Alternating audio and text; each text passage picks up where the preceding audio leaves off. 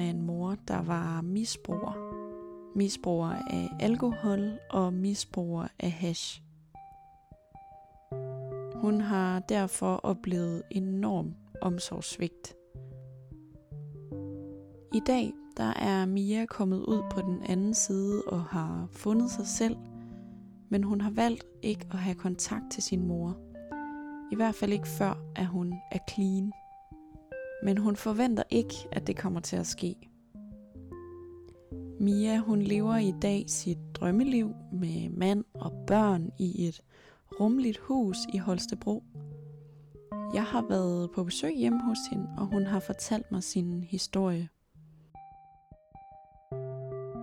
Du lytter til Stigma. Jeg er Miriam Leander.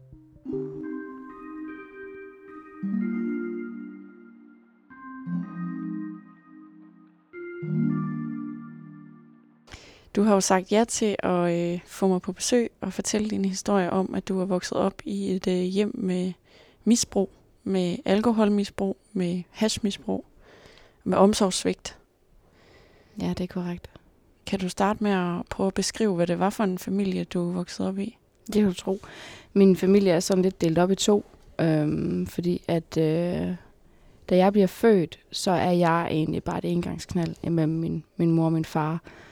Øhm, så øh, øh, min mor finder hurtigt en anden mand, øh, som så vælger at vil gå ind og være farmodellen for mig. Øh, og han er egentlig min omsorgsperson de første syv år af mit liv. Min lillebror kommer en øh, fem år, øh, altså der er fem års forskel, mig og min lillebror. Og øh, han øh, har jo så ham her som far, mm. som er omsorgspersonen for mig. Øh, og det er jo så vores familie. Og hvor bor I henne? Vi bor nede i, øh, i Haderslev til at starte med, og så Rød Kro og Hjortkær og Havslund. Er I sådan en familie, der flytter meget? Ja, ja. Det, det er vi. Øh, ikke så forfærdeligt meget lige de første syv år. Øh, der holder vi os sådan, i hvert fald inden for samme kommune. Der mm. er det Rød Kro Kommune, vi, vi er i. Um, min, øh, min lillebrors far har en, en datter, øh, der så er syv år ældre end mig. Uh, så øh, hun har været på weekend, hver, altså hver anden weekend hjemme hos os. os uh, indtil jeg så er de der syv år gammel, hvor de så bliver skilt. Uh, min mor og min lillebrors far. Uh, Kommer der flere mænd uh, ind i din, dit, din families uh, liv i løbet af årene? Ja, det gør der. Uh, min mor er ret god til at skifte kærester, eller bare ja, venner, hyggevenner, eller jeg har egentlig altid sådan været lidt i tvivl om, når det er, at hun har haft en mand hjemme, om det har været en kæreste, eller om det er bare en, hun har set med, eller... Mm. Så, øh, så jo, der kom rigtig mange forskellige. Og vi stoppede egentlig også sådan ret hurtigt med at se min lillebrors far. Øh, han gik jo for nærmest for det ene øjeblik til at være den, den voksne, der var limen i vores familie til, at han var helt ude. Øh, og selv kørte et misbrug, der så gjorde, at vi ikke kunne være en del af hans liv. Så det meste af tiden er det faktisk bare dig og din lillebror og mm, din mor? Ja. Og din mor, hvad er det, hun er øh, misbruger af? Det er øl, og så ryger hun has. Og hvor mange øl er det, hun drikker? Åh, oh, ja, det er faktisk et godt spørgsmål. Uh, min mor havde, at hun kunne kun drikke hver anden dag. Uh, hvis hun kunne drikke hver dag, så var det fordi, hun havde det rigtig skidt dagen efter, at hun har haft drukket. Altså, så har det været, fordi der er sket et eller andet den dag, der så har gjort, at hun var blev nødt til at drikke dagen efter os. Men hun drak imellem de der øh, 8-15 øl om dagen. Øh, og hun, hendes døgn, det var helt anderledes som en, end vores. Hun stod altid ufattigt tidligt op om morgenen, og sad gerne en 3-4 timer, inden vi stod op. Øh, så hun må stået op der omkring klokken 4, og så sad hun og hørte en masse Barry White i, øh, i, i, i køkkenet, mens hun sad og røg sig rigtig skæv, inden øh, vi stod op. Um, og så har det først været efter vi kom i skole, at hun så startede med at drikke. Kan du huske en tid, hvor hun ikke har været misbruger med hash og alkohol? Nej. Um, jeg kan huske, hun prøvede tre dage at være på antabus. Og så fandt hun ud af, at der kan man heller ikke drikke øh, øl med mindre øh, havde det alkoholprocent. Så det var hun slet ikke interesseret i, fordi hun manglede virkelig meget smagen af øl. Jeg har aldrig oplevet min mor ikke skæv, så hun har altid været påvirket af has. Jeg kan huske en, en kæreste, hun havde lige efter de blev skilt, hvor det er, at øh, han er rigtig sød. Jeg, ham havde jeg det rigtig, rigtig godt med. Han var normal. Øh, vi flyttede til øh, Christiansfeld hjem hos ham, øh, og der kunne min mor ikke drikke så meget, og heller ikke ryge så meget has, fordi han ikke vidste den side af hende. Hun blev til at skjule, hvor stort problemet faktisk var. Og den her mand får jeg faktisk et, et så godt forhold til, at man kysser hinanden godnat. Det er sådan en ting, der faktisk fyldte rigtig meget med mig, fordi jeg jo ikke havde min, min stedfar i mit liv mere der. Øh, så det betød rigtig meget for mig at have den her faderfigur. Øhm. Hvor lang tid var han i jeres liv? Kun et års tid, Mm. desværre. Han fandt ret hurtigt ud af de her ølflasker, der var gemt rundt omkring. Og han synes også, at når de drak rødvin om aftenen, så gik mor ret meget til den. Øh, Så der gik ikke længe, før vi blev halvvejs smidt ud hjem fra ham af, og skulle så flytte for os selv. Hvad betød det i din hverdag som barn? At du havde en lillebror, der var fem år yngre, og at din mor ikke tog ansvar for noget? Det betød, at jeg var den voksne. Jeg var den, der skulle passe på min lillebror. Jeg var den, der skulle sørge for, at de to havde det godt sammen. Min lillebror var meget udadreagerende. Øh, vi fandt jo så også ud af, at han havde ADHD. Men når han gjorde noget, som ikke var godt, så stillede jeg mig i vejen for, at mor skulle have ikke gøre noget ved ham. Så når det var ham, der stod til slag, så var det mig, der fik slagene. Blev I slået Det gjorde jeg hver dag? hver dag. Det, øh, hun kunne gøre det i aggressioner over, at øh, hun var fuld, og vi ikke havde gjort, som hun havde sagt. Og hun kunne gøre det dagen efter i aggression over, at hun havde gjort det dagen i forvejen, fordi hun var frustreret over, at hun selv havde gjort det. Øh, jeg kan selv kun huske øh, første gang, jeg bliver slået, da jeg er de 11 år. Men jeg har så fået at vide af min stedsøster, som var der hver anden weekend, at hun godt kan huske, at jeg er blevet slået allerede for fire år. Altså da jeg er fire. Øh, men det kan jeg slet ikke selv huske.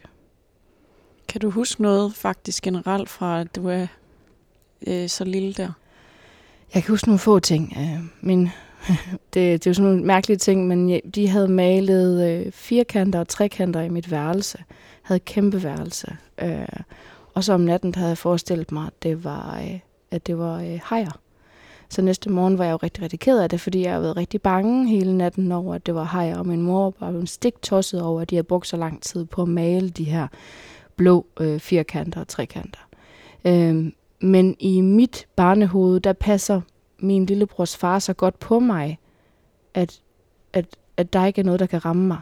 Men at jeg jo så senere finder ud af, at hun har faktisk slået mig. Ja, men min lille hjerne har simpelthen bare lukket fuldstændig af for det, og kun husker, at han var der til at passe på mig.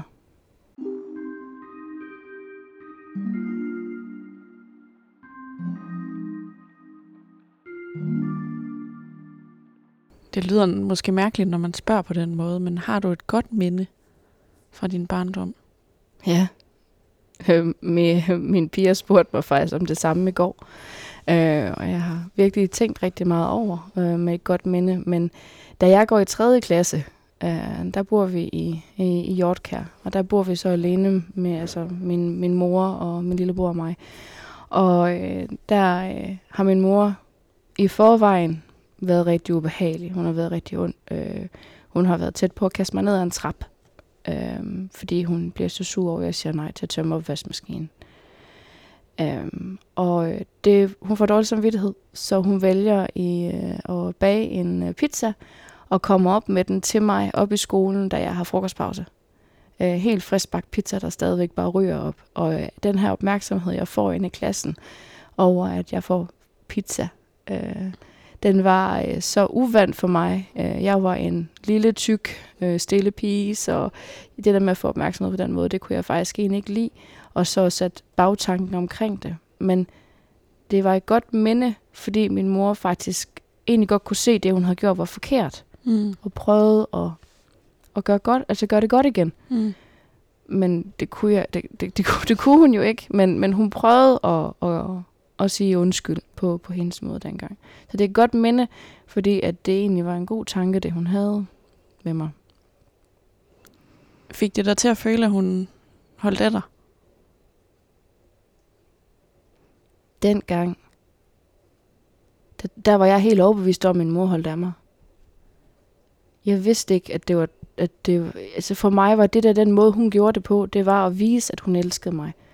At jamen selvfølgelig slår man sine børn, når man elsker dem. Selvfølgelig kalder man dem rigtig, rigtig mange ubehagelige ting, når man elsker dem. Så ja, jeg var jo helt overbevist om, at min mor, hun elskede mig. Jeg troede bare, det var det, man gjorde. At det var så, man viste, at man elskede sit barn.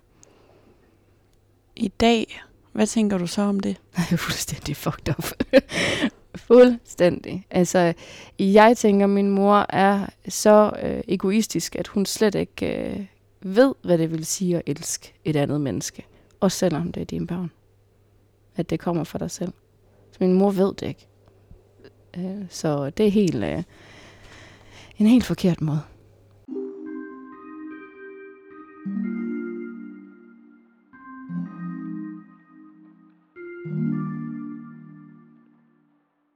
Har du et minde om noget, der har gjort særligt ondt på dig som barn? Ja, det har jeg. Øhm, jeg er omkring min datters alder i dag, så jeg er omkring de ni år. Øh, vi havde en helt sommer, hvor vi var rigtig meget i kolonihave. Min mor havde købt et kolonihavehus inde i Åben Rå, hvor vi cyklede øh, fra Hjortkær og så til Åben Rå. Jeg tror, der er en 8-9 km eller sådan noget. Min mor havde jo ikke noget kørekort, øh, så vi havde ejet ikke nogen bil på det tidspunkt. Øh, så vi cyklede frem og tilbage. Og øh, den tid i kolonihaven, den var altid så usikker, fordi jeg vidste aldrig rigtigt, hvor min mor var hen. Fordi der var rigtig mange, hun kendte i kolonihaven, som, som jo så sad og drak og, og røg noget has. Øh, så hun var altid lidt rundt omkring på den her, øh, øh, på den her, ja, i den her kolonihave forening, hvor vi var. Øhm, min mor har gjort rigtig meget ud af, at øh, hun havde købt sådan en stor marksten, og dem skulle jeg lave blomsterbed ud af. Og hun synes, at det var rigtig, rigtig flot, og jeg var rigtig, hun var rigtig stolt over, at jeg havde lavet det her blomsterbed. Og så kan jeg huske, at øh, da jeg er færdig med at lave blomsterbedet, så kan jeg ikke finde min mor. Men jeg har heller ikke lyst til at gå rundt og lede efter min mor, fordi jeg ved ikke, hvad jeg ser, når jeg finder min mor. Jeg ved ikke, hvilken tilstand hun er i. Jeg ved ikke, om hun er øh, glad, om hun er sur, om... Jeg har faktisk ikke lyst til at opleve den der usikkerhed. Så jeg vælger egentlig bare at gå ind i, vores kolonihavehus. Og inde i vores kolonihavehus, lige når man kommer ind ad døren, så er der et, øh, et sådan et lidt langbord, øh, hvor køkkenet så er, hvor der så er et vindue. Og ud af vinduet, der er vores øh, naboshus, hvor han så har et lille vindue. Og måske kun en gang en meter. Altså, det er virkelig ikke så stort, det vindue, der er der. Og øh, jeg står så i køkkenet, og står og kigger ind i væggen, øh, hvor hans vindue er sådan lidt over til den ene side, da vores vindue er meget større. Og så kan jeg så se, at min mor er inde ved siden af. Du kan se gennem de to vinduer, så ind i øh, så jeg kan se, jeg kan se ind i siden af. Præcis, jeg kan se, at han, min mor er inde ved vores nabo. Øhm, det skal lige siges, at den nabo, vi havde der, han øh, havde lidt nogle pædofili. Altså, han, han kunne godt lide små piger, havde min mor fortalt mig. Og øh, han kunne godt lide mig. Min mor sagde, at jeg skulle passe på med ikke at være alene med ham. Øh, og jeg skulle ikke sætte mig på hans skød, når han bedte mig om det. Og øh, da jeg så ser min mor ind ved ham, bliver jeg jo sådan lidt, hvad laver du så alene inde ved ham? Øh, hvor jeg så kan se igennem vinduet, at de ikke bare står og snakker. De har faktisk sex. Jeg ser, at min mor bliver lagt ned på, på bordet, hvor hun så bliver taget bagfra af den her nabo. Og jeg får øjenkontakt med min mor. Min mor kan godt se, at jeg, jeg ser, hvad der sker. Min mor er helt sort i øjnene. Jeg plejer altid at sige, at min mor hun var ond. Og det var fordi, når hun er så skæv, så bliver hendes pupiller så store, så kan man ikke se hendes øjenfarve. Jeg ved faktisk ikke, hvor farve øjne min mor har. Fordi det meste af tiden har jeg kun set min mors øjne være så udspilet. Så jeg ved ikke, hvor farve øjne Det, du kalder de onde øjne? Det er de onde øjne. De ja. er helt sorte. Helt sorte. det min hjerne den gør lige i det øjeblik, det er, at den lukker simpelthen af. Jeg ser eh, lige pludselig ikke længere, hvad der foregår inde i kolonihavet ved siden af. Jeg ser fugerne på hans hus. Jeg ser, øh, øh, hvordan øh, stregerne de er. Øh, hvordan nogle af dem de buer, fordi det er et træhus, så de ikke er helt fuldstændig lige. Så min hjerne går simpelthen ind og fjerner mig fra øjeblikket. Jeg får lige pludselig en ufattelig stor trang til at stikke af. Og det er faktisk ikke rigtig noget, sådan en pligtopfyldende pige som jeg gjorde. Jeg stak ikke af, men jeg fik virkelig stor lyst til, at jeg skulle ikke være her længere. Så jeg vælger faktisk at gå langs, øh, altså huset det ligger sådan nede på grunden, så du skal gå langs stien, og så for at komme op for enden. Og jeg vælger så at begynde at gå ned den her sti. Og lige det, jeg så begynder at gå ned, kom min mor gående imod mig. Og jeg kan se med det samme, at hun er plørfuld. Hun er helt væk. Øh, hun kan nærmest ikke gå på sin egen ben. Øh, hvor hun så stiller sig lige foran mig, og lugten af hende, den her lugt af det søde fra hasten, og det her øl, øh, øl altså lugten af øl, den, den i sig selv giver mig, giver, sætter mig sådan lidt i den her traumer. Øh, hvor hun så siger til mig, at det her det er din skyld. Det er din skyld, jeg er nødt til at have sex med, vores na- med naboen hernede i Kunihus. Det er din skyld, for ellers vil han røre dig. Det var dig, han ville have. Men jeg lagde mig for dig. Hun gav jo mig en ufattelig stor skyldfølelse, fordi jeg tror, ved jo ikke, hvad sex er i en alder som ni. Jeg har set rigtig meget af det, fordi mor hun altid var så åben omkring det. Men jeg ved jo ikke, hvad det er. Så jeg tror jo, det er en rigtig ond ting. Jeg tror, det er en rigtig dårlig ting, det der er sket. Fordi hun jo siger, det er min skyld, det der er sket. Så jeg får skylden for, at min mor, hun vælger at have sex Hvad sker der efter, hun har sagt det til dig? Jeg begynder at græde, øh, og jeg går på WC'et og sidder derinde. Øh, Følger hun efter dig? Nej. Min, min mor har altid været... Altså, hvis hun fulgte efter mig, så var det for at slå mig. Så var det for at give mig pap på hovedet eller noget, hvis det var, at hun syntes, at jeg reagerede ja, ikke som hun gerne ville have. Jeg har altid haft sådan lidt en idé om, at min mor, hun, hun godt kunne lide at se mig græde. Hun godt kunne lide at se, at hun ramte mig. Hvad fik dig til at Altså, hvordan har du fået den opfattelse? Fordi hun gjorde det så ofte. Og fordi, at hun øh, mange gange godt kunne finde på at smile efter, at hun havde kaldt mig en fed ko, eller en, eller en grim pige, eller ulækker, eller... Øh, altså, min mor kørte rigtig meget på min vægt. Og jeg var overvægtig. Øh, men sådan var jeg dengang, men hun kørte rigtig meget på det, og sagde, at jeg var tyk, og at jeg ikke hørte til nogen steder. Og jeg i hvert fald ikke var hendes datter, fordi hun var jo tynd.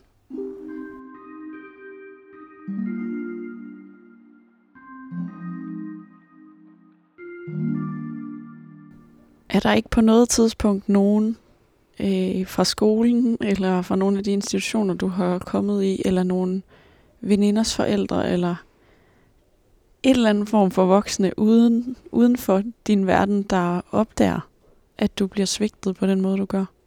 Det er et rigtig, rigtig godt spørgsmål.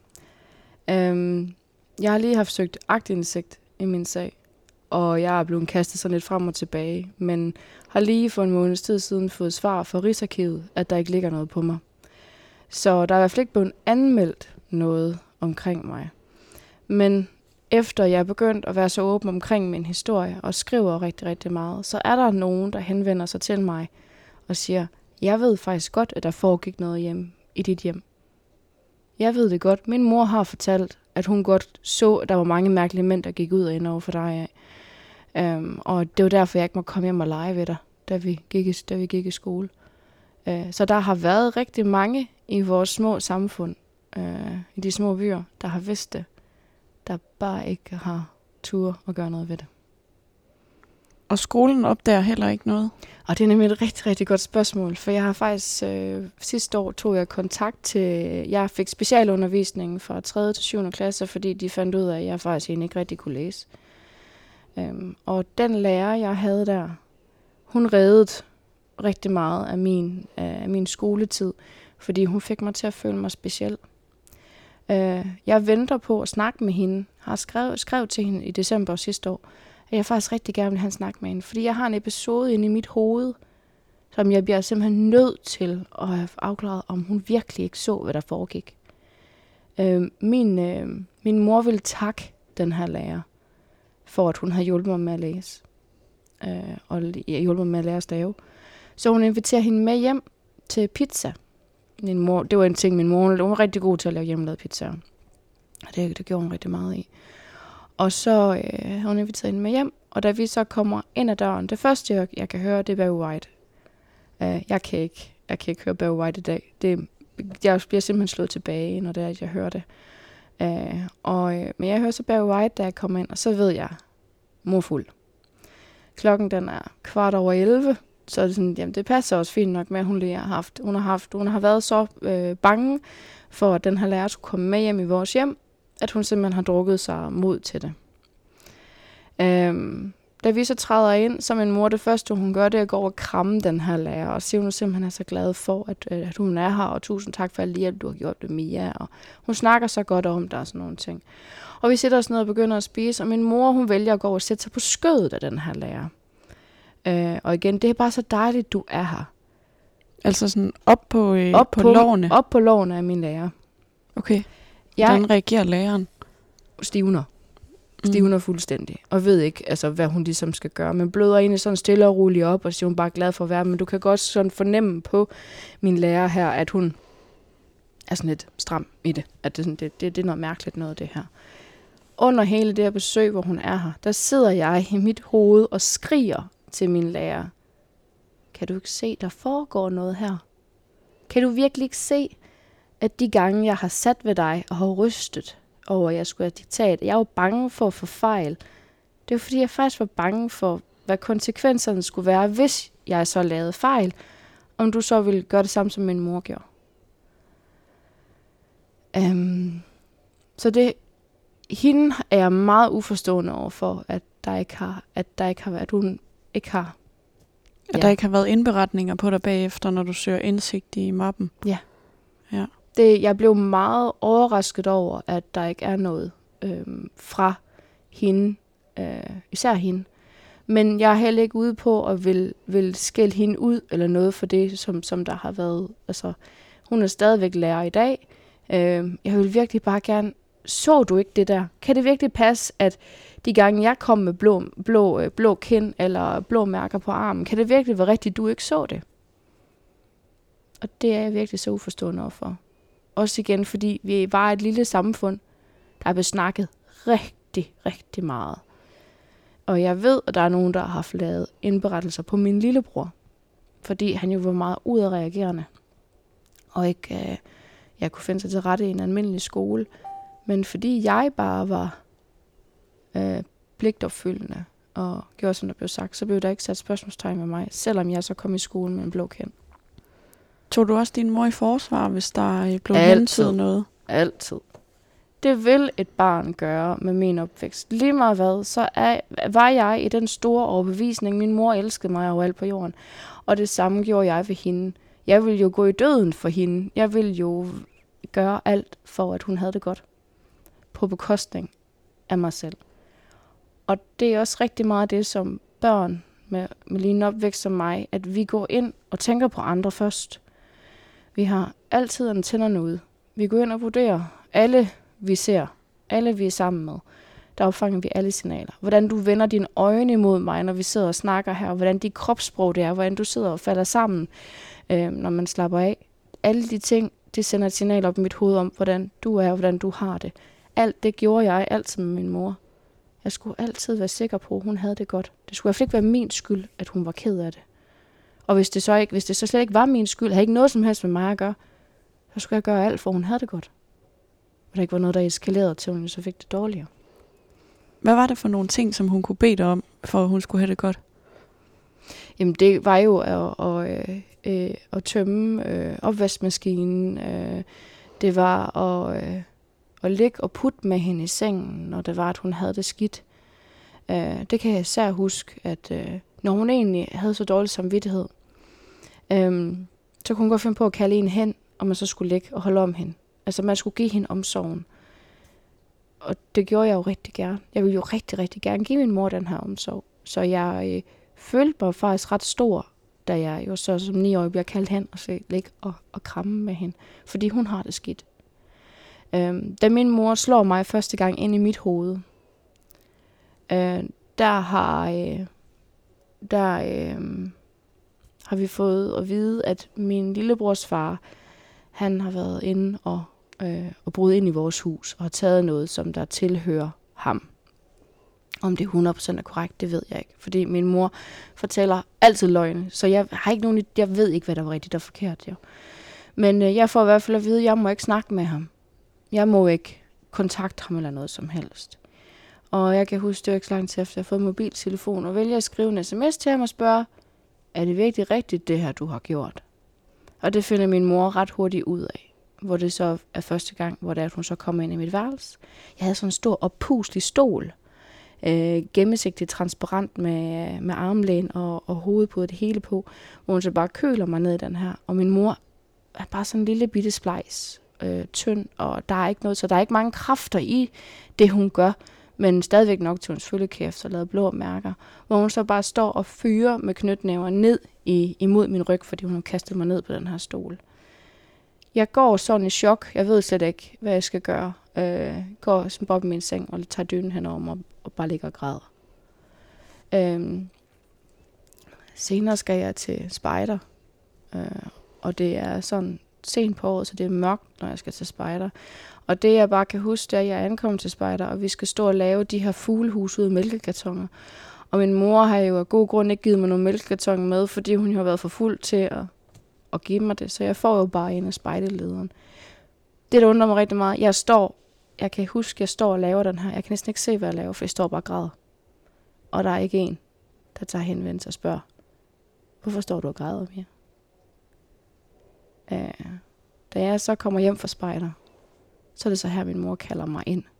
Der, hun, der, der er klokken er jo kun 8. Min mor gik altid i seng 7-8 stykker. Og hvis det var, at vi ikke var klar til at komme i seng der, så kunne hun godt finde på at tage øh, madrasser ind i stuen, og så hyggede vi derinde og sov. Men det var jo for, at hun jo så kunne falde om kul på, på sofaen. Øhm, så, men der kalder hun mig så hen og siger, und, ja, eller hun siger ikke undskyld, hun siger, at hun er rigt, hun er ked af den måde, det hele var på, men jeg skulle jo også lade være med at skrive til ham, fordi det havde jeg, hun jo sagt, jeg ikke må. Så at sige undskyld, uden at sige undskyld, fordi du siger ikke undskyld, du giver bare en forklaring på, hvorfor det var, at du mente, det var okay, at, at hun slog mig. Så altid følte jeg bare, at det var min skyld. Så når jeg fik et par på hovedet, eller blev slået, så var det altid bare min skyld. Og det er første gang, du kan huske, det er at du gang, er blevet huske, slået? Ja, det er det. Det er første gang, jeg kan huske. Og der men, er, men tror du, at du er blevet slået før? Som det ved jeg. Altså, ja. øhm, min, øh, min, min lillebrors, som, som min lillebrors store søster, øh, hun fortæller, at hun at hun har set mig blive slået, og at hun stoppede faktisk en overgang med at være hjemme hos os, fordi min mor også slog hende, og det fortalte hun så til hendes mor. Øh, hvor hun så, at de sagde, så skal du bare ikke der hjem mere. Og der har også været... Nogle, for, nogle voksne, der har vidst, at I er blevet slået. Præcis, som ja. heller ikke har valgt at gå ind. Og... Hvornår får du hjælp første gang? Øhm, da jeg er lige omkring øhm, de 16, der øh, fortæller jeg min biologiske far. Altså min biologiske far kommer ind i mit liv lige, om, lige inden jeg skal konfirmeres. Min øh, min, øh, min far øh, får jeg at vide, at jeg skal have sådan et forhold til, at jeg skal tage imod gaver. Den eneste grund til, at jeg egentlig skal have samvær sammen med min far, det er for at være sikker på, at jeg får noget, som min mor kan sælge, eller hvis jeg så får penge, som hun så kan købe noget for. Det er rigtig vigtigt, at det er derfor, jeg skal se min far. Jeg skal udnytte ham. Øhm, og jeg har jo et vildt mærkeligt forhold til ham. For det første, fordi jeg slet ikke synes, det er min far. Altså, jeg, jeg er jo opvokset med min lillebrors far, og så har jeg bare ikke rigtig haft nogen faderfigur siden, så sådan, jeg synes bare, det er mærkeligt, hvorfor jeg skal have et forhold til ham. Øhm, jeg kommer jo så heldigvis på en efterskole og sådan noget, så jeg er faktisk ikke specielt meget hjemme fra jeg er 14 til jeg er 16. Jeg er kun i ved hjemme, når jeg skal, fordi de holder lukket. Da jeg så kommer fra efterskole og begynder at være lidt ældre, øhm, så øh, mm, kommer jeg med på et øh, kursus sammen med min far og hans familie over øh, i København. Øhm, det er sådan en døvkursus. Min en øh, lille søster fra den side af, hun er døv, så jeg er kommet med her som en del af deres familie. Og øh, jeg står så og skal tage min, øh, min, min, min trøje af, og det kan jeg næsten ikke, fordi weekenden i forvejen har jeg været hjemme, og der har mor fået et et øh, raserianfald på mig, hvor hun så har slået mig, så jeg er rigtig, rigtig øm hele vejen op og ned ad ryggen. Så jeg har rigtig svært ved at få den af. Og det ser min far, og han siger, hvad laver du? Og så fortæller jeg min far, hvad der faktisk foregår derhjemme. Min far er en af de første, jeg fortæller til, til hvad der faktisk egentlig, hvad min mor faktisk er, og hvad det er, hun faktisk har gjort. Hvordan reagerer din far der? Han bliver stigtosset. Han tager med det samme øh, kontakt til øh, retten i Åben Rå og får arrangeret et møde om, at han skal have fuld forældremyndighed over mig. Fordi han har ikke nogen, han har ikke nogen myndighed over mig. Øh, det er min mor, der har det hele, så han søger simpelthen bare fuld forældremyndighed med det samme. At jeg bare ikke skal derhjemme igen. Og hvad sker der efter det? Mm, jamen, øh, vi tager så i til retten nede i Åben Rå, og min mor vælger så ikke at dukke op. Og øh, så siger retten på, hør, du er så gammel, så jeg skal bare lige høre din side af historien, og så lige snakke med din far, og så har jeg min afgørelse. Øh, nu var din mor eller valgt ikke at, at dukke op. Og der får han simpelthen bare fuld forældremyndighed på stedet. Og øh, vi får hentet mine ting hjem hos min mor, og jeg flytter op til min far øh, i, i Vildbjerg. Øh, og Hvad? hvad? Hvad med din lillebror? Min lillebror bliver jo dernede. Det er ikke hans far. Øh, så min lillebror bliver nede hos min mor. Hvad tænker du om det? Det har jeg det rigtig, rigtig dårligt med. Øh, det er også det, jeg får hjælp til første gang. Fordi jeg kan ikke fungere op hos min far øh, og hans familie. Et, fordi at jeg jo ikke kan give slip på min lillebror eller min mor. Det er jo ikke kun min lillebror, jeg kan give slip på, men jeg føler utrolig stor skyld øh, skyldfølelse af at være heroppe øh, og have et andet liv. Og, og så jeg ikke kan overvåge, hvad der sker. Jeg kan have kontrollen over det. Ikke beskytte ham. Øh, jeg har altid sådan, jamen, jeg tog slagene, når jeg kunne for ham. Det kunne jeg lige pludselig ikke længere, fordi jeg slet ikke havde øh, kontakten dernede til. Så det, det, det er første gang, jeg får hjælp, det er, øh, at min far han siger, at du skal til lægen, fordi der er dine problemer, du har, det, det skal du simpelthen have hjælp til. Øh, hvor jeg så går hos en rådgiver i, i Herning, ved noget, der hed VBM, Voksne Børn Misbruger dengang, øh, hvor hun så hjælper mig til at, at, at slippe øh, alt det kontrol, jeg har behov for, ned til dem. Ligesom lægge lov på min lillebror og min mor og sige, prøv hør, du bliver simpelthen nødt til at tænke på dig selv. Det er ikke dit ansvar, det som der foregår dernede. Så afstanden gjorde det jo også meget nemmere, at de boede nede i Områ Rød Kro, og jeg var lige pludselig 200 km væk. Det hjalp rigtig meget på det. Var det også sådan en følelse af, at du svigtede din mor? Altså, at du ikke kunne hjælpe hende? At du var bange for, hvad der skulle ske hende? Altid. Når du, når du er barn på den måde, som, som med den opvækst, som jeg har, så har du altid den der, mm, hvis du bare lige mor, kan du ikke bare lige stoppe med at drikke? Lige meget hvad du prøvede, så er det altid, men hvis nu du, så vil du, alt, du vil altid forsøge at, at få hende til at stoppe med at drikke, eller, eller stoppe med at være voldelig. Um, så ved at jeg så forlod, så var det jo virkelig den her, jeg har virkelig, virkelig mislykkes. Det er min opgave, min mission med livet, det, misly- det mislykkes. Uh, så der følte jeg mig jo som en kæmpe stor. Så den, den opgave, den vision med Mm. livet, var det at redde din mor? Det var det. Hvor længe har det været? Lige siden jeg kan huske. Lige siden jeg kan huske, at jeg bare ville have, at min mor var sød. Fordi jeg ved jo godt, hvad der var forskel på, på, på, på ond og sød. Det, den kendte jeg udmærket godt. Um, så det kunne jeg jo godt se, at, at det ikke var godt. Så øh, Hvornår slipper du den opgave? da jeg vælger at bryde kontakten med min mor. Og hvornår gør du det? Jamen, det gør jeg jo, da jeg er lige... Øh, jeg må være de 19. Ja, Jeg har lige mistet min mor og morfar begge to til kraft. Um, og øh, jeg kan mærke, at jeg går på HG i Herning, og jeg kan bare mærke, at jeg har rigtig mange. Jeg kaldte dem nedture dengang. Jeg øh, havde rigtig svært ved at fungere i et almindeligt skoleliv. Jeg blev rigtig tit meget ked af det. Der var ingen, der rigtig skulle gøre noget, så, så sad jeg bare og græd. Hvis en lærer stikkede til mig i undervisningen, det kunne jeg slet ikke have. Altså der, det, det fik mig helt ned.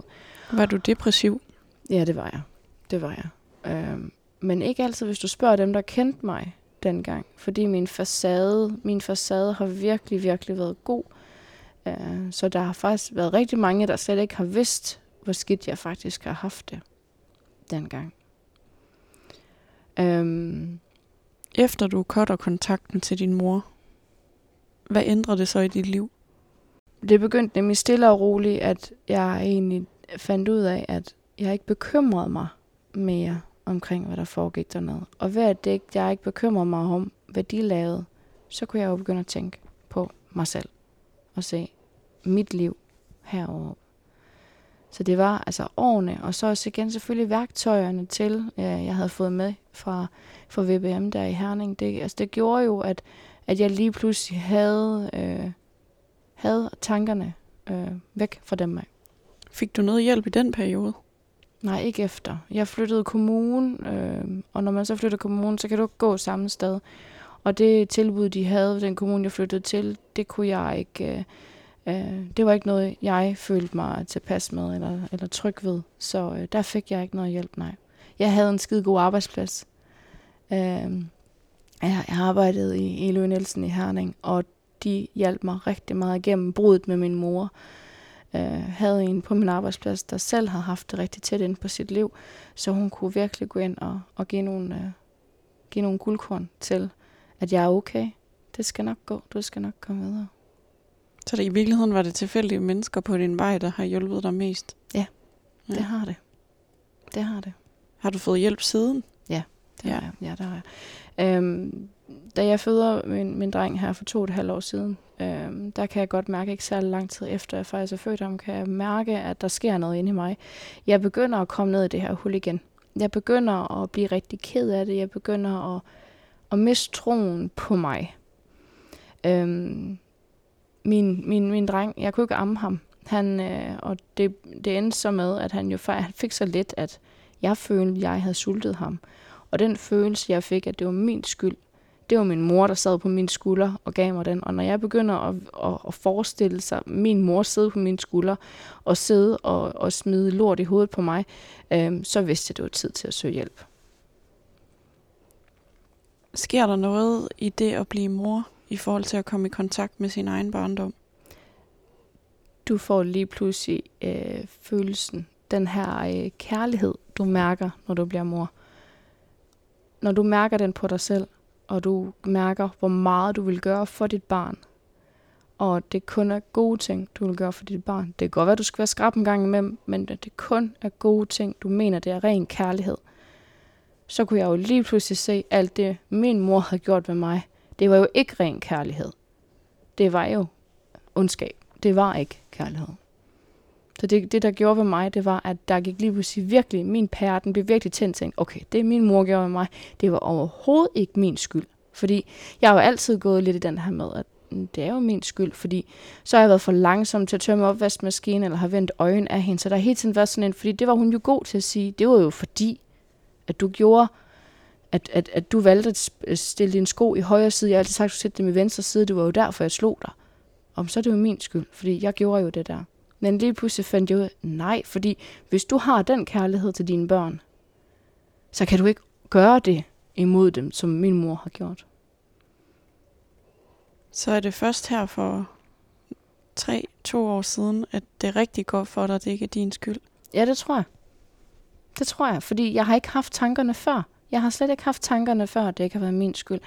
Jeg har haft et, et turbulent liv, også fra da jeg boede til min mor, og så til for cirka for, for fire og et halvt år siden. Der har mit liv været meget turbulens. Jeg har ikke haft nogen tryg base. Jeg har ikke haft øh, ro i mit liv til at lade min hjerne åbne op for de ting.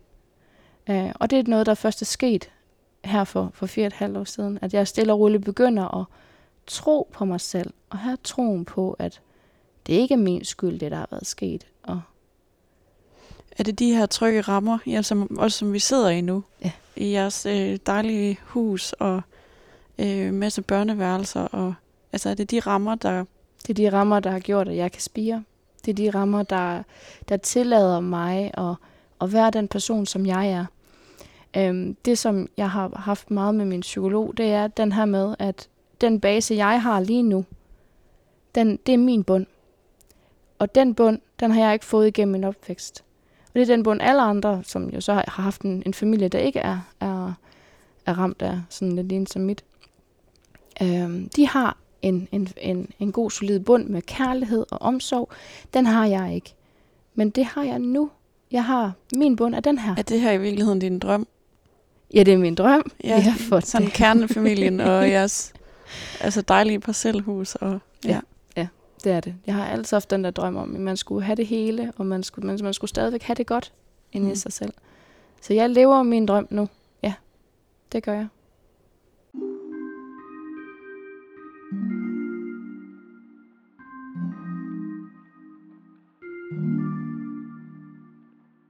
Hvad betyder det, at du kommer hjem og bor ved din far? Det, der er rigtig svært for mig, da jeg kommer hjem og bor hos min far, det er det her med, at jeg lige pludselig skal være en del af en familie. Det kan jeg ikke. Jeg øh, kan ikke finde ud af at have omsorg og tillid til, til andre på, på den måde, som de ønsker. Øh, så vi finder rigtig, rigtig hurtigt ud af, at øh, det kan jeg ikke.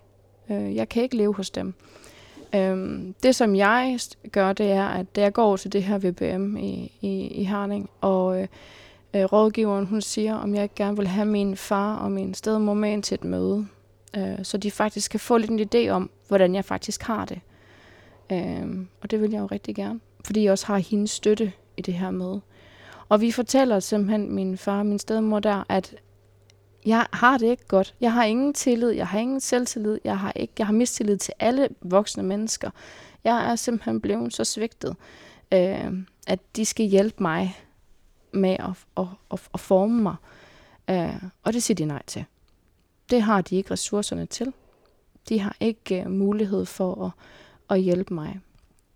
Om det er et, rå, et råb om hjælp fra deres side af, at de har brug for endnu nogle flere ressourcer til, altså hjælp fra fra hende af til det, det, det ved jeg simpelthen ikke. Men det jeg jo hører der som, som 17-årig, det er, så nu er det næste familie, der skulle tage sig af mig, det kan de ikke. Nu er jeg igen lort. Altså, jeg, jeg fungerer ikke. Jeg, der er ikke nogen, der kan lide mig. Der er ikke nogen, der vil mig noget godt. Øhm, og så flyt, flytter jeg fra dem af og flytter for mig selv øh, en studielejlighed i Herning. Da du er 17? Ja. Har du boet ude siden? Ja, det har jeg. Det har jeg. Og jeg startede jo allerede med at, at bo øh, på nogle efterskoler, og så var jeg på et, øh, et skolehjem i, øh, i Fredericia, hvor jeg studerede til, til guldsmed og havde min 10. klasse samtidig siden, så der boede jeg jo på det hjem også. Så det er faktisk siden jeg er de der 14, hvor jeg faktisk ikke sådan rigtigt har, har været hjemme. Hvilke konsekvenser har din barndom haft for dig som voksen?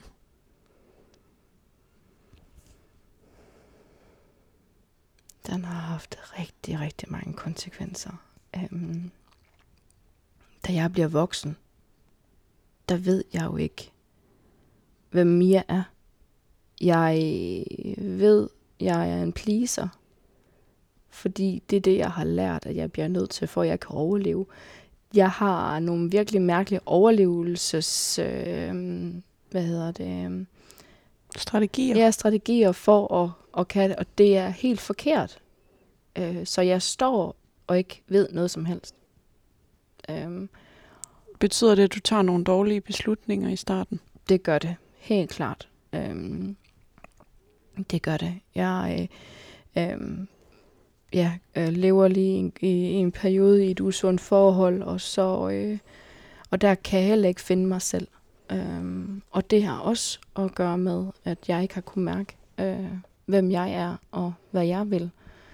Øhm, og det er fordi, man har pleaset sin, sin mor hele sit liv, øh, og sørget for, at hun skulle have det godt. At jeg så står lige pludselig selv skal finde ud af, hvem jeg er. Så konsekvenserne har jo været øh, dårlige valg. Øh, og det har også været, jeg har følt lidt, jeg faktisk har levet i hi. Jeg føler ikke, at, at jeg har været mig selv. Jo, i nogle perioder, igen på mit arbejde, der kunne jeg blomstre på en helt anden måde. Med, det, det var min familie, da jeg arbejdede der. Øhm, fordi vi, vi passede så godt på hinanden. Øh, så det, så det, det var noget helt andet øh, at være der. Og det, er jo- de har helt klart også hjulpet til, hvor jeg så er i dag. At jeg nu har en tryg base. Selvom det tog mange år øh, for at komme fra det ene sted til det andet. Taler du med din mor i dag? Det gør jeg ikke. Hvornår har du sidst øh, talt med hende? Jamen, øh, da min mor og mormor døde af, af kræft. Så da du cutter kontakten, Ja. da du er 19 år, Ja. Og så har du ikke øh, talt med din mor siden? Hun kontaktede mig lige efter jeg fødte min datter, øh, der for ni år siden, og øh, sagde en, hun ringede op, og så sagde hun, øh, ja, det kan godt være, at du var køn barn, da du blev født, men øh, din datter var godt nok kønnere. Øh, så vil du noget, øh, vil du noget, Majbrit? Øh, og så spørger hun, hvordan det går, og jeg så siger, er du ædru? Det skulle jeg fandme ikke blande mig i. Så, så har jeg ikke noget at snakke om. Det sidste, jeg siger til min mor, da jeg cutter kontakten, da jeg vil ikke have noget som helst kontakt med hende, før hun kan komme med en clean test. Før hun kan lægge bevis på, at hun ikke er misbruger længere, vil jeg ikke have nogen som helst kontakt med hende. Og da hun så stiller sig op på bagben på den måde, så ved jeg udmærket godt, at min mor ikke er ædru. Så øh, jeg har ikke mere at skulle sige med hende der. Øhm, og så nogle år efter har hun haft skrevet øh, en enkelt besked med, at øh, jeg skulle passe på med min lillebror, at jeg havde kun én lillebror, og ham skulle til at tage et snak med igen. Men så har jeg ikke øh, haft nogen kontakt med hende. Snakket med hende. Og du har heller ikke kontakt til din lillebror? Nej, øhm, ikke sådan. Øhm, det er en, en, der er på prøvebasis lige nu med det at finde ud af, hvad jeg egentlig kan, kan være med til. Øh, fordi det er for nylig, han, øh, han brød kontakten med, med vores mor. Øh, og for nylig, han har fundet ud af, hvor, hvor, meget, hvor meget skidt hun egentlig har gjort. Mm. Øh, så øh, han er ikke et sted i livet endnu, hvor jeg kan lukke ham ind. Så nej, jeg har ikke nogen kontakt med min lillebror.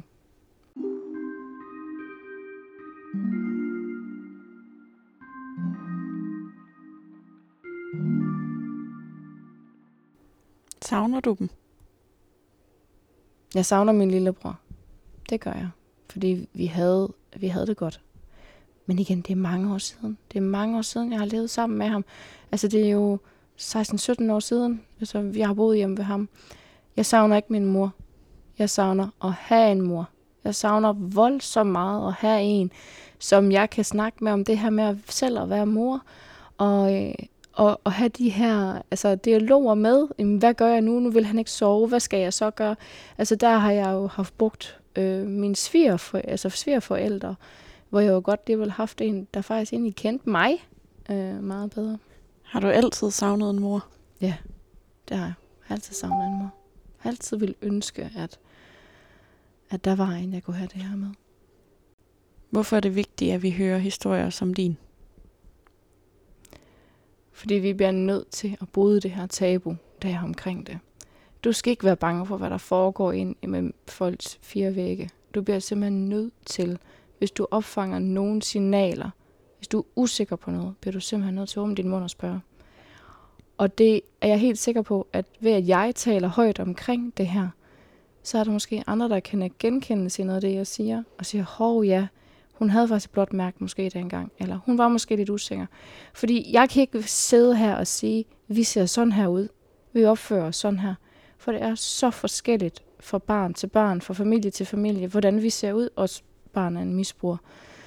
Det ville jo være nemmere, hvis vi bare gik rent rundt med klistermærke i hovedet, men det gør vi ikke. Så det er simpelthen så vigtigt for mig at, at fortælle det her, og snakke om det her, fordi det bare skal være normalt. Vil du opfordre til, at man blander sig? Ja, det vil jeg. 100%. Jeg gør det selv. Og øh, det var meget grænseoverskridende første gang, jeg valgte at gå ind og blande mig.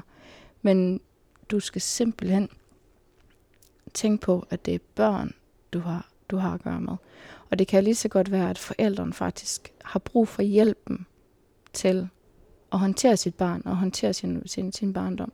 Så det er jo ikke, når man siger, at man skal blande sig for at få børnene væk fra hjemmet. Det er lige så at, at at få hjælp til forældrene til, at de faktisk kan være den bedre forælder, de egentlig måske ønsker at være. Det er jo ikke sikkert, at alle sammen har, har ren ondskab i sig. Det kan være nogen, der gerne vil hjælpe. Vil du ønske, at I var blevet fjernet? Ja, det vil jeg. Det vil jeg. Mange af de ting, jeg har set og oplevet, det vil jeg virkelig gerne være for uden. Øhm, jeg kan jo mærke igennem årene ved, at jeg har en tryg base nu. Min hjerne, den åbner stille og roligt op for flere episoder, der er sket i mit liv. Og nogen øh, er heldig, at det åbner op, imens jeg sidder nede ved min psykolog øh, nede i Tuba, øh, hvor jeg går ved i dag. Øh, hvor hun jo så kan hjælpe mig igennem det her, jeg ser. Hvor vi kan mærke hver eneste følelse. Fordi når jeg ser noget, så er det en film op i mit hoved, og jeg ser, hvordan bladene bevæger sig. Jeg ser, du får et flashback. Totalt. Mm. Totalt. Og der er jeg jo så været heldig, at der har været nogle af gangene, at det har foregået ned ved min psykolog. Hvad er det for noget hjælp, du får i dag?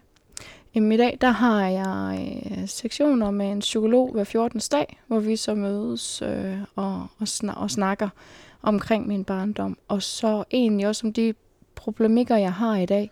Fordi følelsen af ikke at være god nok, den eksisterer stadig. Følelsen af ikke at være elsket, den eksisterer stadig inde i mig. Fordi jeg har ikke den bund. Jeg har ikke den bund, jeg fik af mine forældre.